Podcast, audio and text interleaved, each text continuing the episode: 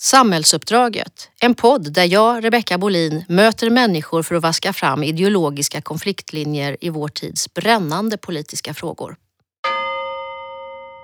I dagens avsnitt ska vi reda ut vad samhällsuppdraget egentligen är och varför det är så viktigt att ta fighten mot populister. Med mig idag har jag Claes Mikael Ståhl, jurist på LO och författare till den här boken som vi bygger samtalen på, Samhällsuppdraget, att tänka fackligt om makt, intressen och samverkan som ges ut på Leopard förlag. Välkommen Claes Mikael. Tack så mycket, tack. Ja, facket har ju en kärnverksamhet. Det handlar ju om att förhindra underbudskonkurrens på arbetsmarknaden. Det handlar om att verka för full sysselsättning, bra kollektivavtal och starkt anställningsskydd till exempel. Räcker inte det här kärnuppdraget? Nej men alltså eh, kärnuppdraget, alltså, det fackliga uppdraget, det börjar ju på arbetsplatsen. Eh, man sluter sig samman med sina vänner eller sina kollegor och försöker att påverka villkoren som gäller på arbetsplatsen. Och där finns det en tydlig motpart, arbetsgivaren. Eh, kanske inte så mycket konkurrens om, om, om vem som egentligen, hur man ska bilda den här föreningen. Men, men det fackliga uppdraget kan inte stanna där utan ganska snart så stöter man ju på en rad olika krafter som påverkar förutsättningar för hur det här fackliga arbetet ska gå till. Eh, och det är de krafterna och de strukturer och de värn som man byggt upp för att möjliggöra det fackliga uppdraget som den här boken i grund och botten handlar om. Ja, du kallar den för samhällsuppdraget, men, men vad menar du att det består i? Vad är samhällsuppdraget? Ja, samhällsuppdraget är ju då fortsättningen på det här fackliga uppdraget, att, att skapa så goda förutsättningar som möjligt för, för att bygga ett, ett, ett gott liv. Men också att, att motverka kapitalismens eh, verkningar och, och, och härjningar. Men också de svårigheter som det innebär att leva ihop med andra människor i ett samhälle. Du nämner, nämner värn, samhällsvärn mm. kallar du det i boken. Eh, vilka är de? Varför är de viktiga? De här samhällsvärnen, de de består då, man kan säga att det är fem, fem, fem inre värn, fem, fem värn som vi bygger på, på, på nationalstatens grund kan man säga. Och det här kan ju vara kontroversiellt utan man pratar om eh, nationalstaten som någonting bra. Men det handlar i huvudsak om, om delaktighet, att, att människor kan, kan, kan bindas till samhället på olika sätt. Och ibland pratar vi om det här som full sysselsättning eller att man ska ha en ekonomi med hög efterfrågan, alltså ekonomi som ska funka. Och delaktighet i organisationer ja, delaktighet, som facket, tänker jag mig, eller? Ja, i, i facket, i, i samhället, i föreningar, på arbetsplatser. Eh, för vi mår bra eh, när vi gör saker ihop med andra. Ungefär så. Eh, så det, det, är liksom det första värnet, att se till att varje människa i någon mening känner sig bunden och knuten till, till, till ett samhälle. Det andra värnet, eh, det är ju, det andra inre värnet, det är ju då fördelning. För att det som produceras eh, i ett samhälle, ekono, ekonomisk tillväxt och sådana saker, det finns ju ingen naturkraft som gör att det fördelas ut jämnt. Det tycks nästan vara tvärtom. Att, att mm, ojämlikheten ökar nästan alltid om man inte gör någonting för att förhindra det. Så det är det andra värnet, jämlikhetsvärnet eller ett fördelningsvärn. Tredje värnet handlar om att bygga upp regler för att vara ordning och reda i ett samhälle. Det är inte något som vi brukar prata så mycket om i, i, på, på vänsterkanten, demokratiska socialister, betydelsen av en rättsstat. Och sen eh, det fjärde inre värnet, eh, samhällsvärnet som, som bor på, det är ju då eh, institutioner och, och, och, och, grundläggande rättigheter. Det här låter ju lite diffust men det handlar ju i grund och botten om att det ska kunna vara möjligt att sluta sig samman i olika föreningar och, och bilda kring sina intressen och, och, och yttra sig kring det. Och att det ska också finnas media och strukturer som, som gör att, att man kan, kan, kan påverka sin omgivning. Och myndigheter med experter ingår också i det? Ja, det kan man säga. Det, det, det, det, det gör det definitivt. Eh, så det, det, är en förlängning på, på rättsstaten. Så sen mynnar ut i det, i det femte värnet eh, som är då demokratin. Kanske viktigaste värnet? Ja, på många sätt. Det, det, man kan ju liksom se det som att, att kapitalismens krafter då väller in över de här samhällsvärnen. Men, men så länge det sista värnet står intakt så, så finns det alltid hopp. Eh, hur, hur, hur, dåligt och hur svagt den kan gå. Men faller demokratin, ja då, då, då är det illa ställt i ett samhälle. Typiskt sett. Så det här är de inre samhällsvärdena. Så finns det ju två, kallar det för yttre värn som, som är, handlar om att man måste också samverka med, med, med andra länder och med, med människor i, i, eh, ja, i andra länder helt enkelt.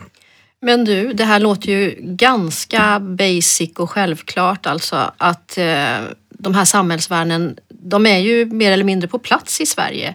Ehm, kan vi inte ta dem för givna i Sverige idag? Nej, nej, nej, utan jag tror att det är precis tvärtom. Det är lite som när man går och tränar. Då kan man tänka sig, oj, nu har jag varit och tränat. Jag sprang en mil i söndags. Nu är jag färdig. Nu har jag tränat färdigt. Så, så fungerar ju inte sam eh, kroppen och inte heller samhällskroppen fungerar på ett sådant sätt. Utan det här kräver ju hela tiden en ständig, eh, ständig eh, eh, ansträngning på något sätt. Eh, och det finns ju olika uppfattningar om hur de här värdena ska se ut. Både hur höga värdena ska vara, hur de ska regleras, om de ens ska existera. Och, och där pågår det ju en ständig maktkamp mellan, mellan olika intressen och, och, olika grupperingar med olika värderingar och sådana saker. Så att nej, det här kan man absolut inte ta för självklart eller givet på något sätt.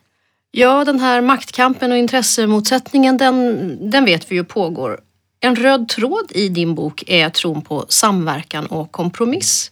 Du tror varken på oreglerade marknadskrafter eller på hård klasskamp. Blir det inte väldigt tillbakalutat att så konsekvent hylla kompromissen? Alltså jag tänker inte minst i ljuset av att löneandelen av företagens kostnader minskar ju rejält över tid i både Sverige och i omvärlden.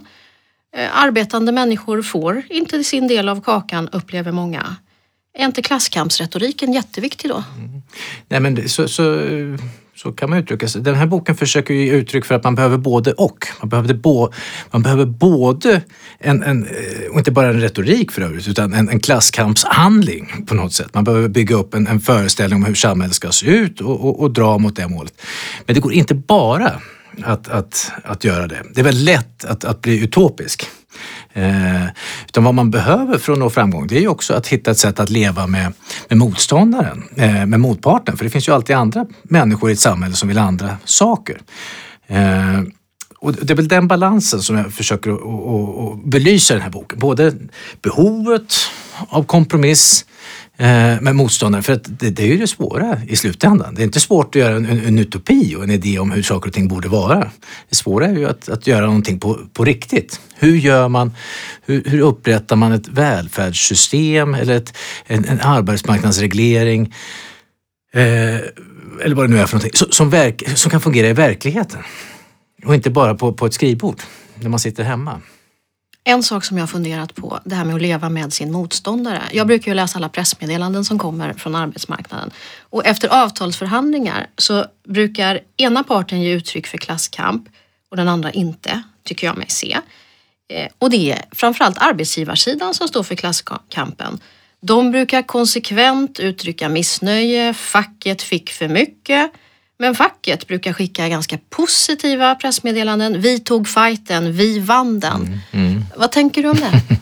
ja, nej, det, det, det, är ju en intressant iakttagelse som, som, som du gör på, många, på, på, på så många sätt. Nej, för men, men det kanske illustrerar att vi befinner oss i någon slags kontrarevolutionär tid där, där de här motkrafterna eh, befinner sig på framfart på något sätt. Arbetsgivarna då som, som, som man då tar ett historiskt perspektiv så kan man ju tänka sig att, att från, från slutet av 1800-talet eh, och, och, långt in på kanske i Sverige på 80-90-talet så var det ju arbetarrörelsen och vänstern som hela tiden befann sig på, på framåtmarsch och vann segrar och såna här saker. Och sen dess har man då befunnit sig i någon slags eh, försvarstid på, på, många sätt. Det gäller att försvara det man har och det man kan se en sån där retorik, det är kanske är det som arbetsgivarna gör. Nu vann vi tillbaka lite terräng. Vi, vi, vi behövde inte betala så mycket den här gången. Men sen är det ju så att de här eh, Och så tänker jag att det är snarare tvärtom. De säger varenda gång vi fick betala alldeles för mycket. Ja, men... Och, men facket säger yes, vi fick ut skitmycket fast i praktiken har ni ju kompromissat ganska mycket. Ja, det är ju väldiga kompromisser och det är ju just när det är avtalsrörelse så är det ju ett ett eh, spel, det är fel ord att använda egentligen, men det, det, är en typ av förhandling som, som är återkommande och där båda parterna vet precis vilken retorik som, som, som kommer att, att användas. Eh, och eh, men tänker du att det finns något bra? Så. Det är intressant. Jag, jag, jag, det är intressant, för jag tänker så här. Eh, arbetsgivarsidan vill ju måla upp det stora stygga facket. De förstör för marknaden för de kräver för mycket. Eh, spelar inte facket lite grann med i det om man säger hela tiden yes, vi vann fighten? Eller finns det en annan poäng där? Att man visar upp det för sina medlemmar och stärker liksom kampviljan? Ja, vad? alltså just retoriken kring vad som händer, den är ju väldigt, eh, handlar ju väldigt mycket om att prata med sina egna eh, medlemmar på något sätt. Eh, och det handlar också om att, att ge utrymme för varandra, att, att förklara eh, varför det blev som det blev. Jag arbetade på Europafacket under en period och förhandlade något som heter tjänstedirektivet. Eh, med, och då hade vi en, en ordförande för, eller en generalsekreterare för Europafacket som hette John Monks och eh, då var det så att i slutförhandlingen så gick det gick oerhört bra för oss. Vi hade sju krav och vi vann framgång med kan man säga sex och en halv av de här kraven. Och jag var överlycklig och ganska ung vid det här tillfället. Eh, och jag sa till, till John då, men nu nu måste vi gå ut och berätta för världen hur bra det har gått för oss. Och då sa han, nej, nej, nej, nej, nej. Vi behöver inte göra det, tvärtom. Det är motparten som ska få gå ut och eh, alltså arbetsgivarsidan och, och, den konservativa sidan. Eh, för de har mycket mer att förklara och, och, för, eh, och vi har ju redan vunnit.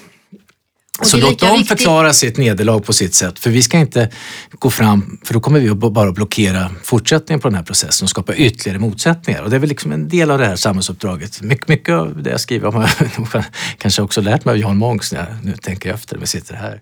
Så i kompromissen så är det ganska viktigt att inte motparten liksom tappar ansiktet. Nej, det, finns en, det måste finnas en, en, en, en ömsesidighet och en, en, en kärlek till motståndaren på något sätt. Eh, även om man tycker, eh, har olika intressen och kanske till och med tycker illa om varandra i vissa avseenden så måste man också vårda relationen till sin, till sin motståndare. Ligger ganska nära diplomati helt enkelt. Ja, och det är väl så man, man, man liksom håller ett samhälle rullande på något sätt. Eh, att, att även de som man inte tycker om så måste man kunna eh, ge utrymme för. Skulle du gå så långt som att du säger att kompromissen är underskattad? Den tycks ju ha blivit det med tiden. Eh, Jag kan tänka mig att om man backar tillbaka i tiden så kanske den var mer självklar och, och, och uppenbar på något sätt. Behovet av den. Eh, Kanske om man tänker sig andra världskriget som någon slags eh, eh, stort sammanbrott för, för, för, på så många olika plan. Eh, så kanske man också insåg efter att, eh, att det var en period där kompromissen blev självklar på något sätt. Men den är ju inte lika självklar idag som det kanske var på 40, 50, 60, 70-talet. Och sen så har vi ju då fått nyliberalismen som absolut inte eh, gillar kompromissen. Men, men det kommer vi kanske tillbaka till i ett senare skede. Men skulle du säga att kompromiss är en förutsättning för fred och välstånd? Absolut. Varför då? Ja, eh, som sagt, det svåra i, i alla tider och i alla samhällen, det är att hitta ett sätt att leva med dem som man inte eh, delar intressen och värderingar med. Eh, och att bli osams, det vet alla som har varit i någon form av relation, det, det är inte särskilt svårt. Jag, jag, vi kan ju bli osams här och nu, du och jag, hur lätt som helst. Eh, men det svåra är ju inte att bli osams, det svåra är ju att faktiskt hitta ett sätt att att leva tillsammans. Så att kompromissen är mycket svårare konst att lära sig skulle jag säga än, än, än, än, än, än klasskampen. Eh, som är oerhört viktigt. Att man har ett hjärta och man har en färdriktning och sån sak. För om man inte har det, då vet man ju inte heller vad man ska kompromissa om. Eh, så kompromissen förutsätter ju också att man har, har en viljeriktning på något sätt. En, en idé om vad man vill. Och i den där viljeriktningen så, så pekar du ut att det finns ju en rad konfliktlinjer. Eh, du pekar framförallt på en mellan populister och demokratiska socialister. Populister i den meningen att de vill avskaffa eller i alla fall kraftigt begränsa rättsstaten, yttrandefriheten, föreningsrätten. Vi ser ju i vår omvärld starka sådana tendenser i en rad länder. Orban i Ungern, Trump i USA, det är två av flera som sticker ut i samtiden. Men ser du populistiska tendenser även i Sverige? Absolut. Absolut. Först måste man ju klara vad, vad populism är för någonting och vad det inte är. Eh, populism handlar ju i stor utsträckning om att man sätter någon slags oförstört eh, folk mot någon korrupt elit eh, som på något sätt lurar den här Eh, det, det, det ädla folket, nu gör jag citationstecken med fingrarna. Eh, och så det är ju spänningsfältet. Ibland pratar man ju om populism att det handlar om eh, att man, man uttrycker åsikter som är populära i någon mening. Eh, folklighet och sådana saker. Men det, det, det, har inte med populism att göra skulle jag säga. Utan populismen är en utarbetad idé om hur samhället ska styras som har nära släktskap med, med fascism och nazism. Och det handlar om, om i grund och botten stora angrepp på de här samhällsvärdena. Och, och, och, vi ser sådana tendenser i Sverige idag, särskilt Sverigedemokraterna. Men även eh, vad heter de här nordiska motstånds, front, motståndsrörelsen eh, utgör ju tydliga eh, sådana angrepp eh, på olika sätt. Ja. Du nämner här att populismen är nära besläktad med fascism. Men med den skillnaden då att populister ju accepterar demokratin men bara som ett redskap mm. för att vinna makt och utöva maktutövande. Men är inte det vad alla politiska partier och organisationer vill? Vinna makt, utöva den. Mm, precis, och det är därför det är så viktigt att, att skilja på vad som är den här populism i bemärkelsen folklighet som, som, som alla partier sysslar med. Eh, bara för att man gör uttryck, man kritiserar eh, ska vi ta på, finanspolitiska ramverket och säga att nej, men vi, man borde kunna spendera mycket mer pengar. Och då är det väldigt lätt att man från högerns sida eller från nyliberalt håll säger det där är populism. Men det är inte alls populism utan det är en fullt legitim åsikt. Utan populismen handlar om att man inte accepterar demokratins grundläggande spelregler. Man accepterar alltså inte att eh, rättsstaten fullt ut, man respekterar inte eh, grundläggande fri och rättigheter, yttrandefrihet och föreningsfrihet. Och man försöker att underminera förutsättningar för demokratin, att den ska fungera på det sätt som den är tänkt. Men alla använder ju inte begreppet så som du gör. Man hör ju så här eh, vänsterdebattörer som säger att vi måste ha mer vänsterpopulism. Ja. Men då menar man ju inte det du pratar om, eller nej, hur? Nej, men då, då pratar man mer om den här folkligheten och, då blir begreppet i grund och botten eh, poänglöst. Man kan ju för sig använda något helt annat begrepp då, men då, då, då börjar man ju prata om fascism och nazism istället. Och, då, och det är begrepp som, som har så stark och tung laddning. Och det, på många sätt är det ju ett problem att vi inte har den stora sorgen eh, efter 30-talet på många sätt, förutom de enorma hemskheter som, som, som nazismen orsakade, det är ju eh, svårigheterna vi har haft att förstå vad det är för, för krafter som är i rörelse. Eh, att det liksom har förmörkat vårt sätt att, att tänka och särskilt när, när SD växer fram så var det väldigt snabbt att kalla dem för nazister och fascister och, och sådana saker. Eh, och det blir ju särskilt problematiskt i en rörelse som, som, som LO. Helt plötsligt då eh, nästan 25 procent av, av LO-förbundens medlemmar börjar rösta på SD och då kan man ju fråga sig, har, har 25 procent av, av LOs medlemmar blivit rasister? Är det så? Nej, så är det absolut inte. Utan det, det handlar om att de ger, ger röst, lyckas ge röst till någonting som, som det, det, politiska, nu säger jag etablissemanget, men, men de, de, politiska eh, eliterna som, som jag själv tillhör för övrigt eh, och, och, och många här i, i Stockholm när vi sitter här på Södermalm tillhör i någon mening. Men finns det någon slags utbildningsproblem här? Folk vet inte riktigt vad populism är. Eh, man röstar på det som låter populärt. Ja, alltså... För jag kan inte tänka mig egentligen att 25 procent av LOs medlemmar ifrågasätter värnen och rättsstaten nej, nej, och yttrande mötesfriheten. Eller tolkar du det så? Nej, nej, nej, utan eh, vad... Utan vad, vad, det finns en fantastisk ett citat av, av en eh, tysk socialdemokrat på 30-talet precis innan eh, nazisterna stängde ner riksdagen i, i Tyskland och då sa han att eh, om nazismen att aldrig har en politisk rörelse gjort det inre svinet, våra sämsta sidor till en bärande politisk idé för ett politiskt parti. Eh, och där finns ju ett starkt släktskap med, med, med Sverigedemokraterna. Det, det, är så oerhört lätt att, att väcka och hämta kraft ur, ur våra sämre sidor. Eh, och, och, vår misstänksamhet och sådana saker. Så att, och vad kan hända om vi gör det? Alltså, vad är den stora faran med populismen? Populismen är ju så oerhört farlig för att den, den ger sig på i princip alla våra eh, politiska samhällsvärn. Eh, och på sätt och vis farligare än nazismen och fascismen på det sättet att den, den använder demokratins legitimi, legitimitet för att legitimera sig själv på något sätt. Eh, för det kommer man ju inte runt, att, att alla de här människorna som, som, som du valde, eh, Orban, Putin, eh, Trump eh, och, och, och, många, många andra sådana här, eh, Bolsonaro, Brasilien och så De har ju kommit till makten genom demokratin. Det är demokratin som har gett dem den möjligheten och de kan bli mycket mer seglivade Eh, och angreppen är mycket slugare. Det är liksom inte, man sätter inte journalister i fängelse utan man, man försvårar möjligheten för journalister att verka.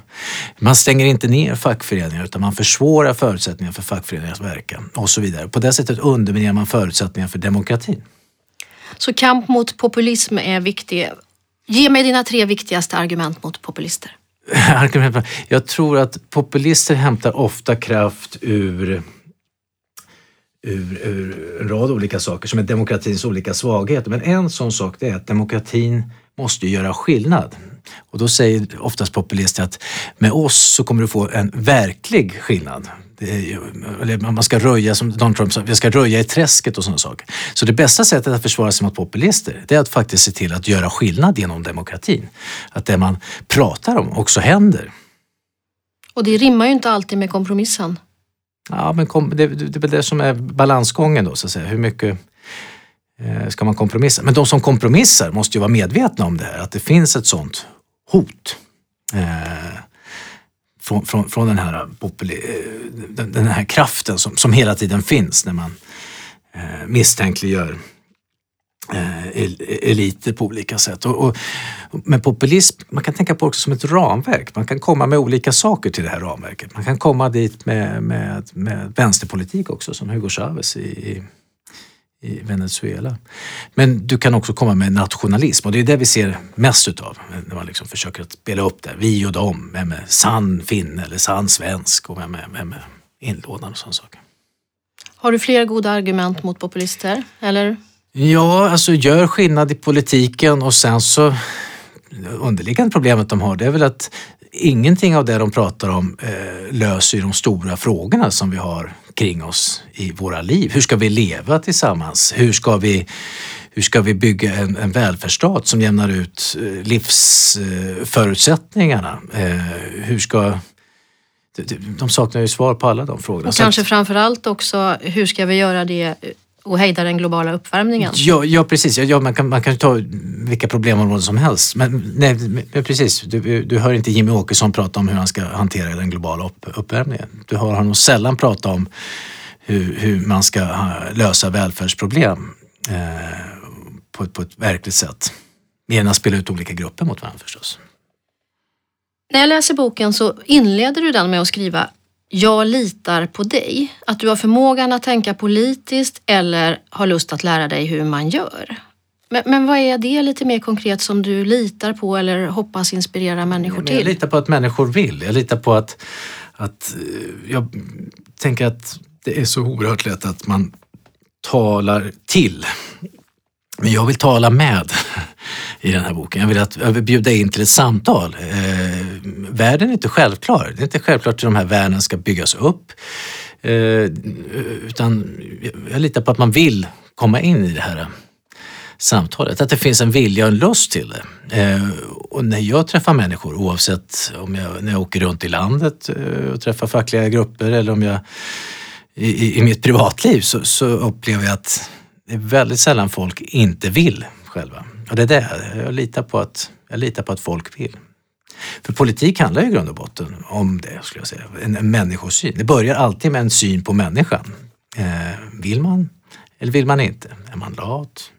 Är man, har man energi och sådana saker? Och, och jag, jag, jag, tror att eh, jag tror att man i grund och botten ska ha en väldigt positiv syn. De flesta människor gör så gott de kan med de förutsättningar de har. Men vi föds med väldigt olika förutsättningar eh, och ges olika förutsättningar. Vi föds in i olika förutsättningar och vi har också olika förutsättningar med oss rent genetiskt. Och därför är samhällsvärden så viktiga? Ja, för att jämna ut eh, de villkoren som, som, eh, som livet ger oss, den lott som livet ger oss.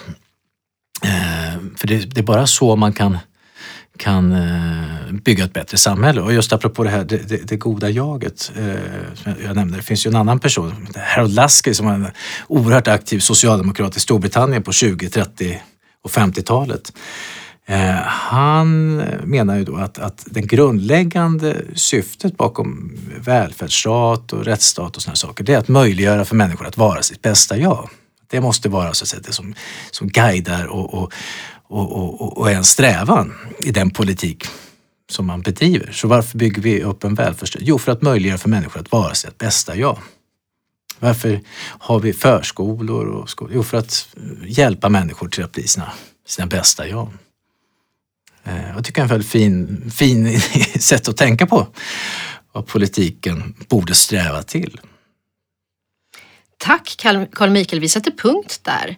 Eh, Lust tillsammans, vi tar fighten tillsammans och vi försvarar samhällsvärden. Det är något av en kärnpunkt i din bok. Men Claes Mikael, du är också välkommen tillbaks. För i nästa avsnitt av podden Samhällsuppdraget så ska vi prata mer om kapitalism och vi ska prata om kapitalismens baksidor. Mm. Mm. Tack, tack. Tack för att jag fick komma hit. Du har lyssnat på Samhällsuppdraget, en podd producerad av Leopard förlag i samarbete med LO och ETC Nyhetsmagasin. Programledare var jag, Rebecka Bolin, producent Johanna Ekeroth och tekniker Petter Brundell.